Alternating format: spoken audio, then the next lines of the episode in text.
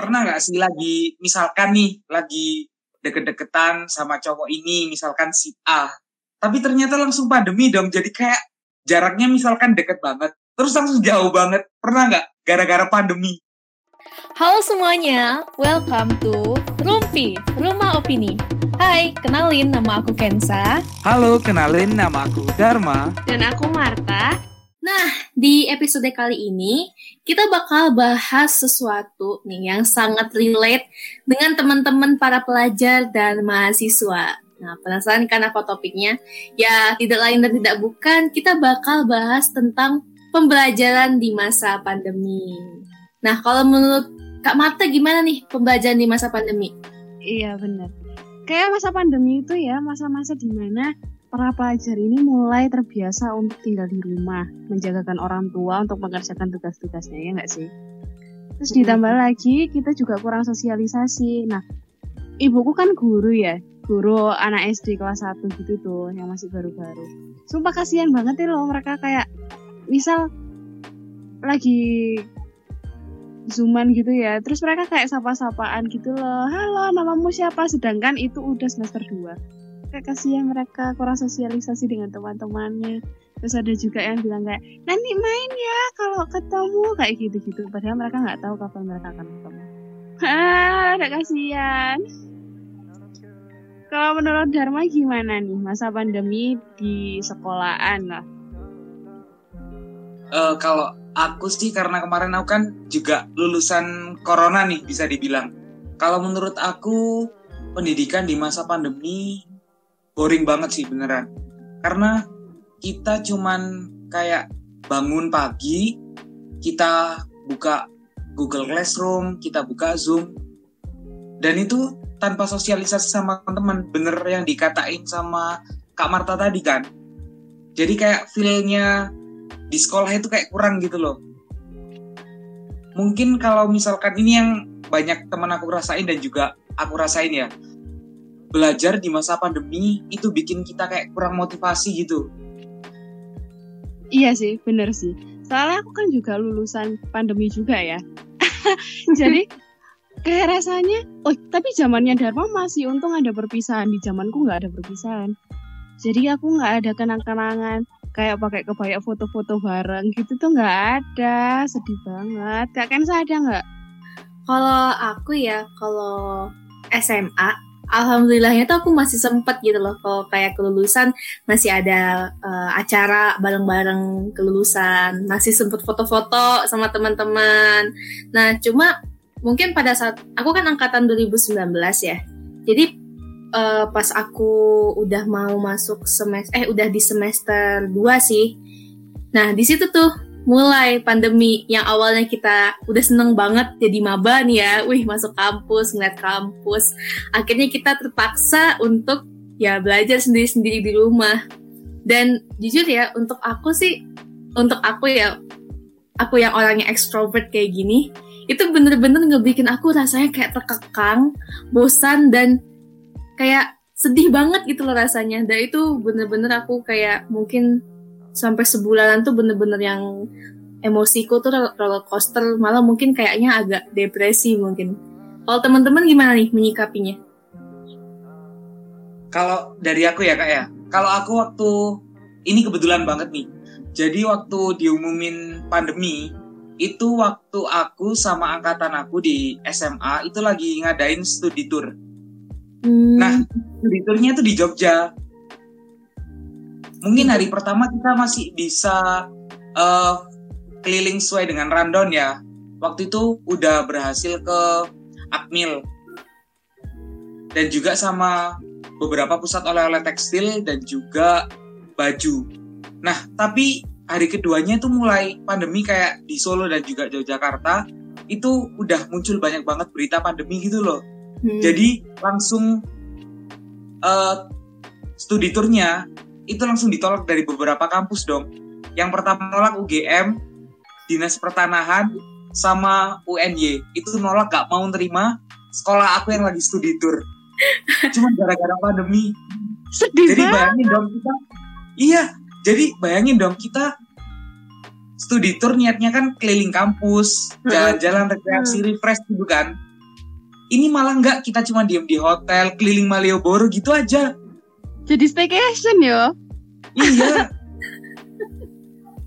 Padahal Jadi- udah semangat banget ya mau mengunjungi Semangat kampus, banget. kampus ya, Ui. aduh Eh, apalagi kan itu juga- itu Eh, kelas 11 kan Mm-mm. ya jadi mungkin banyak ekspektasi-ekspektasi dari teman-teman yang juga kayak belum hilang gara-gara pandemi Iya. gitu Kalau dari Kak Marta nih, kan berarti masa pandemi ini kan juga udah kuliah nih ya. Iya. Kalau Dharma kan masih maba nih, masih baru. aduh ketahuan nih merasakan ya. Kalau Marta gimana kuliah di masa pandemi kayak gini? Aku sedihnya itu ya kalau misalnya di masa pandemi ini waktu pertama kali itu loh masa-masa ospek kan kita zooman ya cuman duduk terus habis itu kayak dimarah-marahin gitu kan kalau ospek-ospek tuh terus kayak dimarah-marahin tuh kayak apa sih? Kayak gitu kan orang kita nggak ketemu juga ya. Iya. sih? Aku cuman kayak terus mana lagi kan duduk doang. Terus kita tuh nggak boleh gerak nggak boleh off cam. Terus pokoknya ada ya peraturan itu kan. Kalau misalnya ketahuan off cam dihukum gitu kan. Terus akhirnya kita kayak diem jegidek gitu kan. Eh jegidek apaan ya? Diem diem banget gitu kan terus Iya. sampai kayak punggung tuh matung kemang. matung iya mematung gitu loh. Terus sampai kayak punggung tuh kemang. Capek kayak ya, kayak pingin marah cuman Tapi itu sempet heboh juga nggak sih yang ospek di masa pandemi? iya betul. Sabuknya yang mana sampai deh gitu viral kan? di Instagram nggak sih? Kenapa? yang yang viral di Instagram sama kalau nggak salah gini aku ingat salah satu katanya mana sabuknya? gitu kan. Nah, iya betul Mohon maaf untuk kampus yang bersangkutan, kami tidak bermaksud untuk menyinggung, kami hanya memflashback saja. Jadi hanya aman. menyebut siapa? Saja saja, nggak nggak nggak nggak nyebut merek kok kita. iya kayaknya nyebut merek. Tapi ada sisi positifnya loh, kalau misalnya kita belajar pandemi gini. Kalau dari aku ya, kalau dari aku tuh yang pertama kita bisa belajar sambil tidur tiduran. Terus yang kedua, ini nggak boleh ditiru ya, tapi ini kayaknya sebagian besar orang sih. Yang kedua juga aku ngerasa karena kita di satu tempat doang, kita nggak perlu kalau di kampus kan pergi ke gedung satu ke gedung lain gitu kan. Terus juga kayak ya nggak repot aja gitu kalau misalnya kuliah di masa pandemi. Kalau menurut Marta gimana? Sama Dharma nih, waktu itu kan masih SMA gimana? Kalau Marta gimana? Iya benar-benar. Aku pernah ada satu kasus kecapean banget, tapi aku harus kelas pagi jam 7. terus terus ketep, eh, kebetulan dosenku itu dosen yang harus on cam buat absen. Ya kan? Di Oh. awal-awal perkuliahan. Terus habis itu ya udah absen bangun pagi jam 7, belum mandi, belum rawuh, belum apa, masuk Zoom. Langsung tuh on cam sambil kayak mata masih berbelek-belek gitu kan on cam aja dulu. Nah, terus di absen hadir gitu kan. Terus ngomong hadir langsung off mic off cam. Dah. Dah. aku tinggal tidur sambil setan gitu loh. Rencananya maksudnya kayak setidaknya belajar sambil deng eh tidur sambil dengerin gitu loh. Jadi mimpi di kelas gitu ya? iya. Jadi ilmunya bisa biar dong, tapi meresap gitu ya bun ya? Awal-awalnya tuh masih masih bisa kedengeran. Terus di tengah-tengah itu rada hilang terus aku kayak bangun gitu bangun terus habis itu oh masih masih pelajaran dengerin lagi. Terus habis itu hilang tiba-tiba dengerin lagi. Oh ada ada gitu kan. Tapi pernah nggak sampai yang kayak tiba-tiba bangun udah keluar semua dari gimmicknya atau zoomnya? lah ya itu terus terakhir aku dengerin kok, kok gak ada suaranya ya? Apa aku udah keluar? Tapi kok si yang buat di telinga itu kok masih ada di telingaku kok masih nancap curiga kan ya buka HP terus tinggal enam orang dong. Dan Enam untung banget itu dosennya nggak nungguin. Biasanya dosenku itu nungguin. Sampai keluar semua. Dan ini tuh nggak untung nggak ditungguin. Terus aku kayak ah aku Oh, kenapa berarti itu enam orang tidur semua ya? Iya, kayaknya enam orang tidur semua ini. Itu rahasia umum sih, rahasia umum di masa-masa pandemi itu banyak banget. Iya. ya teman-teman dari kalangan ya mahasiswa anak-anak sekolahan yang kayak gitu karena Iya. lelah kan secara mental pun lelah gitu loh Tapi Kalau yang paling sering gimana? adalah yang paling sering adalah atasan Hmm. kemeja bawaan celana pendek. Iya enggak sih? iya sih. Nah, Wah. tapi kalau menurut Kak Marta nih, itu tadi eh, sisi positifnya gimana kalau misalkan kita eh, lagi belajar di masa pandemi nih atau kuliah online di masa pandemi? Sisi poti- pos- positif ya, susah sekali. Sisi positifnya itu sebenarnya itu lebih santai.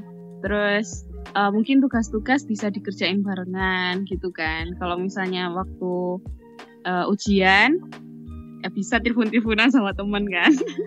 Aduh, ini se-free tips ya guys ya. Tips. Tapi Makanya tidak kalian biarpun kuliah online, jangan menolep. Tetap bergaul dengan teman-teman agar mendapatkan informasi. Mantap. Kalau Dharma gimana? Waktu itu kan masih SMA nih, beda kan kalau anak kuliah. Kalau SMA mungkin ada perbedaan sedikit gitu. Eh, kalau kuliah, eh kalau kuliah, maksudnya kalau eh, waktu SMA dulu kayak kan aku habis studi tur itu kan langsung diumumin kan, anak-anak dua minggu, dua minggu kalian bakalan libur. Yang namanya anak gak pernah libur dong. Mungkin libur SMA cuman satu hari, dua hari gitu kan, Hmm. sama libur semester. Ini tiba-tiba dikasih libur dua minggu. Dan semua itu kayak yang seneng banget kayak yes libur-libur aku bakalan ke pantai gini gini gini gini gitu kan. Karena kan jujur waktu itu di Malang pandeminya tuh masih belum terlalu Hmm, yang- hmm, betul betul. drastis gitu loh. Jadi kayak masih bisa santai-santai gitu kan. Dan masih belum ada yang aware tentang pandemi. Mungkin cuman pakai masker gitu-gitu aja. Nah yang namanya anak SMA semester 2 seneng banget dong libur dua minggu. Pembelajaran eh, daring, waktunya kayak cepet banget ah, cepet ada tugas, cepet tinggal browsing, terus telepon temen, minta temen gimana kan cepet gitu kan. Tapi setelah dua minggu itu kak, baru kayak kerasa banget efek pandemi yang bikin aku kayak stres banget. Yang pertama itu teman-teman kayak pada ngilang. Terus banyak nih, perlu digarisbawahi ya nih ya, banyak yang datang kalau ada butuhnya doang. Hai, betul. Banyak banget. Banyak sih itu. Jadi sampai kayak aku kadang misalkan lagi zoom gitu kan, misalkan kelas lain ujian, langsung ditelepon gitu dong, di spam. Jadi kan aku kayak, aduh ini pandemi emang bener-bener bikin stres banget. Apalagi misalkan kita kurang materi, gurunya juga kadang slow ref, slow respon. Tapi ini nggak untuk semua guru ya. Terus misalkan kita cari materi di Brandly itu kadang harus kita harus download dulu. Mau les juga pandemi jadi susah gitu. Jadi waktu itu les-lesan aku juga online. Jadi menurut aku aslinya materi yang disampaikan di pandemi itu kayak nggak mengulik secara rata. Menurut aku kalau Iya. misalkan untuk anak yang aktif banget, proaktif, dia bakalan paham. Tapi kalau untuk yang misalkan diem, pasti dia belum paham. Itulah yang bikin aku kayak oh jadi gini nih sistem pembelajaran di masa pandemi jadi kayak kita harus survive gimana cara kita survive di masa pandemi yaitu dengan keaktifan kita Iya bener banget. Makanya aku tadi bilang, biarpun kita pandemi kayak gini, kita nggak ketemu teman-teman, kita tetap harus ngejaga komunikasi gitu loh. Ibaratnya kayak punyalah teman satu dua gitu loh, yang akhirnya bisa eh, ngasih informasi atau mungkin nemenin kita juga kalau kita butuh pembelajaran atau mungkin teman curhat ya. Dan Nah. aku ngerasa banget di masa pandemi ini kayak nggak tahu ya. Tadi yang Dharma bilang gitu loh, yang kayak teman-teman kita kita tuh datang tuh pas butuh doang. Itu tuh nggak tahu kenapa. Aku ngerasa pandemi ini membuat seseo- semua orang tuh menjadi kayaknya menjadi berubah gitu loh. Dari sejarah secara mental gitu loh. Dari secara mental tuh kayak berubah. Ada yang waktu pandemi itu kayak parno banget orangnya. Ada yang pas pandemi itu orangnya kayak nggak percaya. Kayak kita bisa melihat berbagai macam reaksi secara psikologis itu loh dari banyak orang. Dan aku merasa banget ya semenjak pandemi ini eh aku merasa kalau misalnya orang-orang tuh mulai aware gitu loh tentang mental health mereka tentang kondisi Iya, mental benar. mereka dibanding sebelum-sebelumnya gitu. Terus kalau menurut kalian nih sisi negatif apa sih yang eh, banyak banget kita dapetin dari pandemi ini? Ini kan positifnya udah terus negatifnya apa dari Dharma dulu kalau dari aku sih eh, sisi negatifnya itu yang pertama kita kayak kurang kompetitif sih kak. Karena kan kalau misalkan kita di sekolah kita bakalan tahu gitu kan. Misalkan ada yang dapat 100 gitu. Eh siapa nih dapat 100 siapa dapat 100 kayak kompetitifnya tuh kerasa banget gitu loh. Beda kalau misalkan kita di masa pandemi itu kayak kita bener-bener kurang motivasi dan dorongan. Kita cuma dikasih tugas, kita cuma ngerjain dan belum tentu kita paham. Itu tuh ke- kekurangan dari pandemi menurut aku kayak gitu. Interaksinya ya berarti ya sebenarnya. Interaksinya. Aku setuju banget sih sama Dharma, soalnya aku merasa kayak aku waktu, waktu di kampus ya, kalau misalnya ngerjain tugas kan kita bisa ngelihat nih perbandingannya, oh teman kita udah sampai sini, oh teman kita karyanya segini, oh aku harus kerja keras lagi, kayak sama-sama Nah, bisa saling menyemangati gitu kan, Nah, gitu. walaupun kita nggak bilang secara langsung, kita cuma Mm-mm. apa ya? Bahasa Jawanya itu ngebatin. Mm-mm, mm-mm. Nah, kayak gitu. Iya. Kalau Iya Marta gimana? Apakah sangat positif-positif saja nih pandemi? Woi. Ada enggaknya sih ya kayak kalau terlalu nyaman tuh terlalu tuh emang nggak baik gitu loh. Kalau misalnya kita udah nyaman di rumah udah nyaman santai akhirnya kita sendiri nggak ada. Itu tadi loh kayak semangat untuk bersaing tuh nggak ada. Terus kayak aduh yang penting nilai keluar lah yang penting nggak ngulang lah gitulah ya Iya. istilahnya. Terus Tapi kalau itu itu Pak, terlalu nyaman dengan dia itu gimana? au. Hmm, Apakah itu termasuk sisi negatif dari pandemi? hati-hati ntar jadi bucin Iya, budak micin Tapi ya untuk kalau kita mau agak belok dikit ya masalah relationship ya, maksudnya bukan hanya relationship sama doi doang, sama Hmm. kayak temen tuh juga terganggu banget gak sih pas masa pandemi? Iya. Jujur aku terganggu. Gimana Marta mau curcol nggak di sini? Iya loh, tapi tapi emang bener loh. Walaupun kita beda kelurahan aja gitu ya, nggak nggak LDR jauh-jauh amat ya. Beda kelurahan aja lah. Itu susah loh buat ketemu yang orang tua nggak bolehin lah. Duh masih pandemi tahan dulu. Habis ini lah selesai, habis ini selesai, padahal nggak selesai selesai. Terus sekarang udah udah makin lama makin lama makin sibuk dengan urusan sendiri-sendiri akhirnya. Iya. Karena memang udah di zona nyaman sekarang karena Mhm. udah beradaptasi kan sama pandemi gitu loh. Ya mau nggak mau kita harus di rumah, harus menyelesaikan kesibukan kita sendiri-sendiri gitu. Betul. Tapi ya, aku tuh bener-bener deh aku tuh pas awal pandemi itu ya kalau aku cerita mungkin karena aku emang orangnya sangat sosial, sangat senang ketemu orang ekstrovert. Itu bener-bener yang kayak bahkan sampai nangis guys. Padahal aku tuh Hmm. jarang nangis ya, tapi kayak sampai nangis, kayak ngerjain tugas tuh sambil nangis. Karena ngerasa apa ya, di beban mental sih kayaknya. Kayak di dalam hati tuh kayak, kok gini sih, kok aku kalau ngerjain ya sebanyak waktu gitu tapi kayak badan tuh nggak support otak nggak support Hmm. hati juga nggak support jadi kayak secara mental back breakdown lah bahasanya waktu pandemi dan bener banget yang kayak Marta bilang tadi kayak nilai ya udah dah yang penting kelar tugasnya udah habis ini eh, yang penting ngumpul gitu loh. Dan itu emang nggak baik banget gitu loh dari iklim pembelajaran.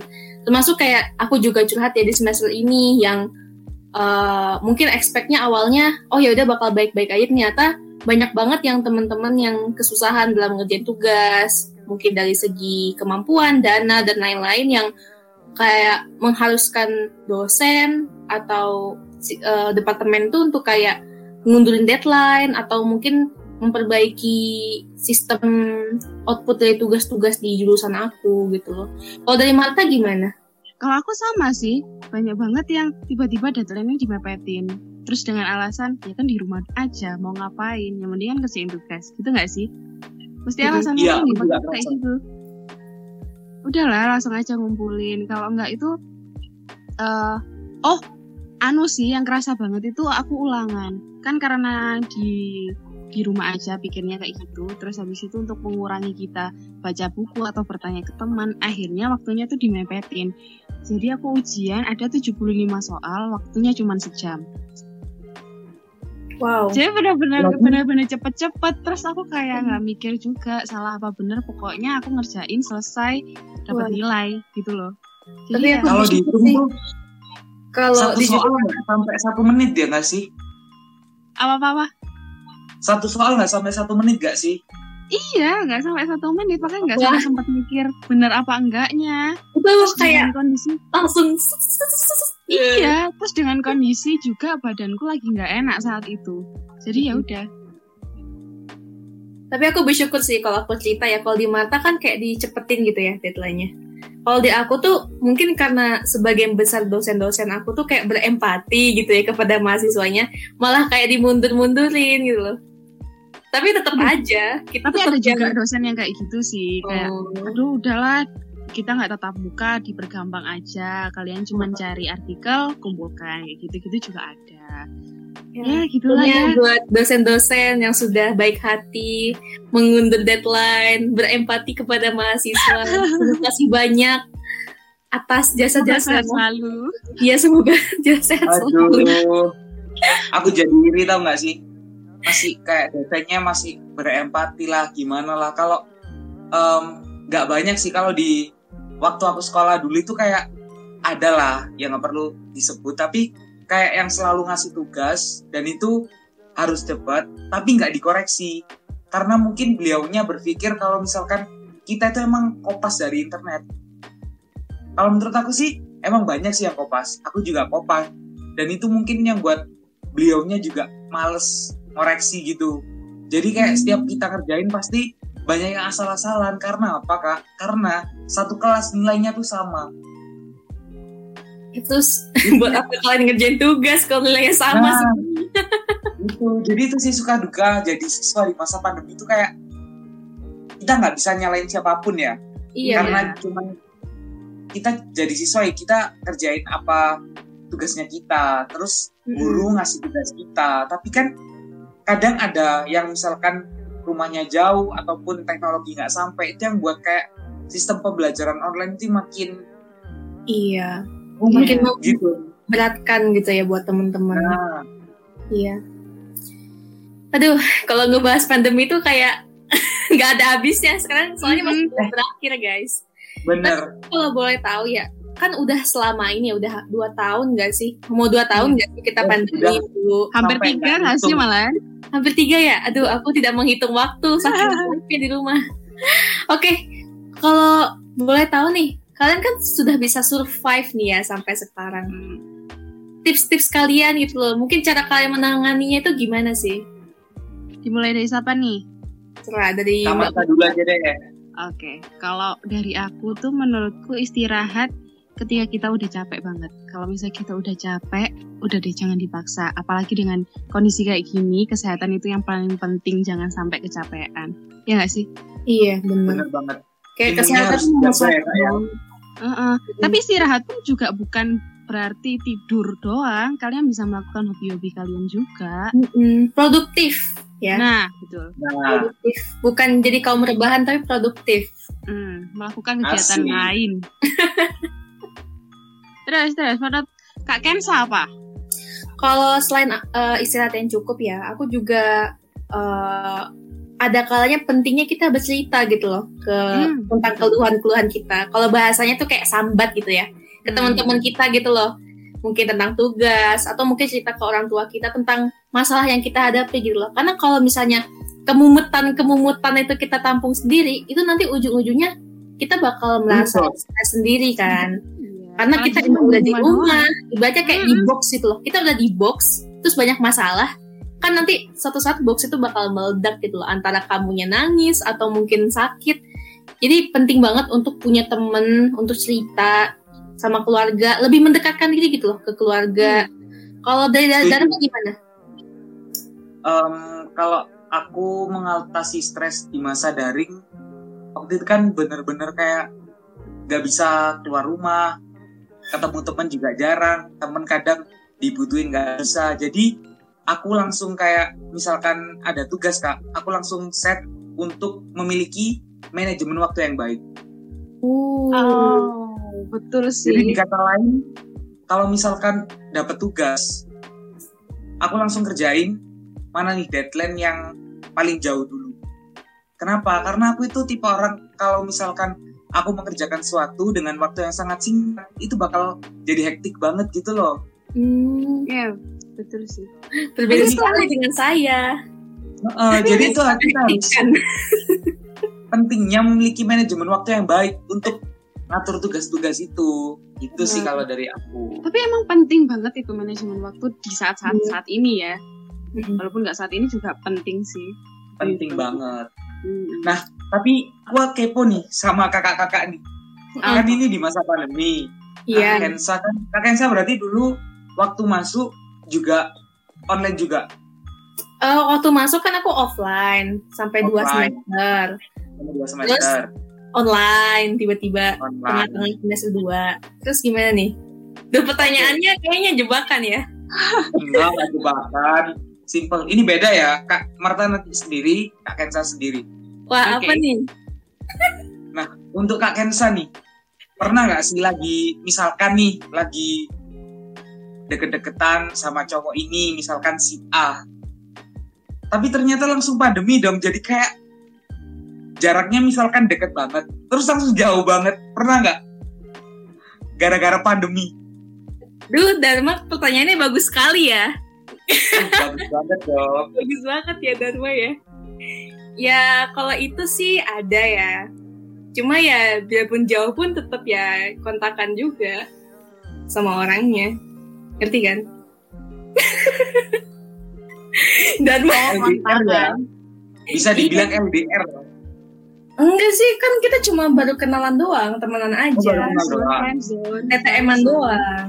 Kan ujung-ujungnya nggak jadi kan. Ya, Wah ini kalau diurutin dari yang episode kemarin bisa sih. Timeline. Oh ya guys, jangan lupa nonton ya episode 1 dari Rumah Opini. yes. Nanti kita di episode selanjutnya bakal sedikit-sedikit reveal kita dari kampus mana. Iya. Wah. Oh, enggak? Oke, kan tadi dari Kak Kensa kayak gitu kan. Sekarang nih pertanyaan yang beda untuk Kak Marta. Ah, Eh, Oke, tuh. Kan Kak Marta langsung online kan? Iya. Nah, pernah nggak sih ada temen yang kayak caper banget kayak cari muka, cari perhatian ke dosen setiap ada Zoom ataupun Google Meet yang lain? Dan gimana cara ngatasinya? Misalkan Kak Marta, duh, ada kira Ada sih, tapi tapi aku nggak bisa bedain kalau di di online sekarang tuh nggak bisa bedain mana yang cari muka atau mana yang emang anaknya aktif banget gitu loh. Jadi ya udah kalau ada satu anak dulu terus dia jadi komtingku juga komting eh, pelajaran gitulah salah satu mata kuliah.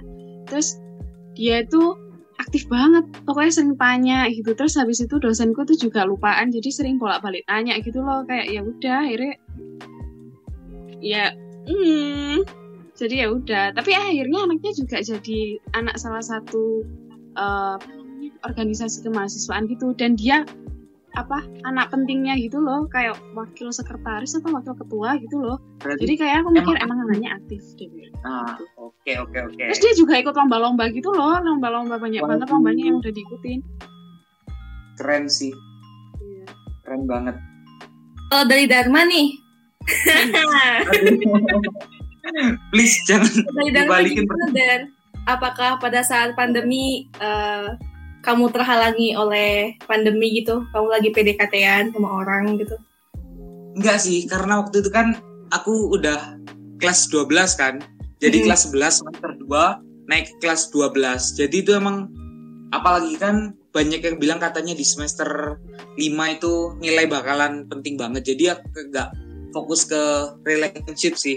Lebih Hmm. fokus gimana cara menjaga mental, kesehatan sama reaksi terhadap orang-orang di sekitar. Oke. bagus sih emang ya Iya bagus Iya lah, sih. bagus lah. oke Gitu. Ini kita akhiri aja ya kayaknya kita udah panjang lebar menjelaskan semuanya aku ada satu kata enggak sih bukan satu kata satu kalimat yang bagus banget buat menutup dan merangkum semua isi dari pembicaraan kita hari ini mau denger gak? Boleh mau boleh. dong. Oke ya itu kata-kata itu kayak gini tidak ada target yang selalu tercapai tidak ada keinginan yang selalu terwujud jadilah manusia yang selalu siap dalam situasi apa pun wah Keren keren keren. Nah, jadi kalimat itu jadi penutup dari podcast kita hari ini. Jadi terima kasih untuk kalian yang sudah mendengarkan podcast kita hari ini. Semoga podcast kita pada hari ini bisa membantu kalian untuk melanjutkan aktivitas-aktivitas kalian. See you to next podcast di Rupi. Bye bye. Opini, dadah.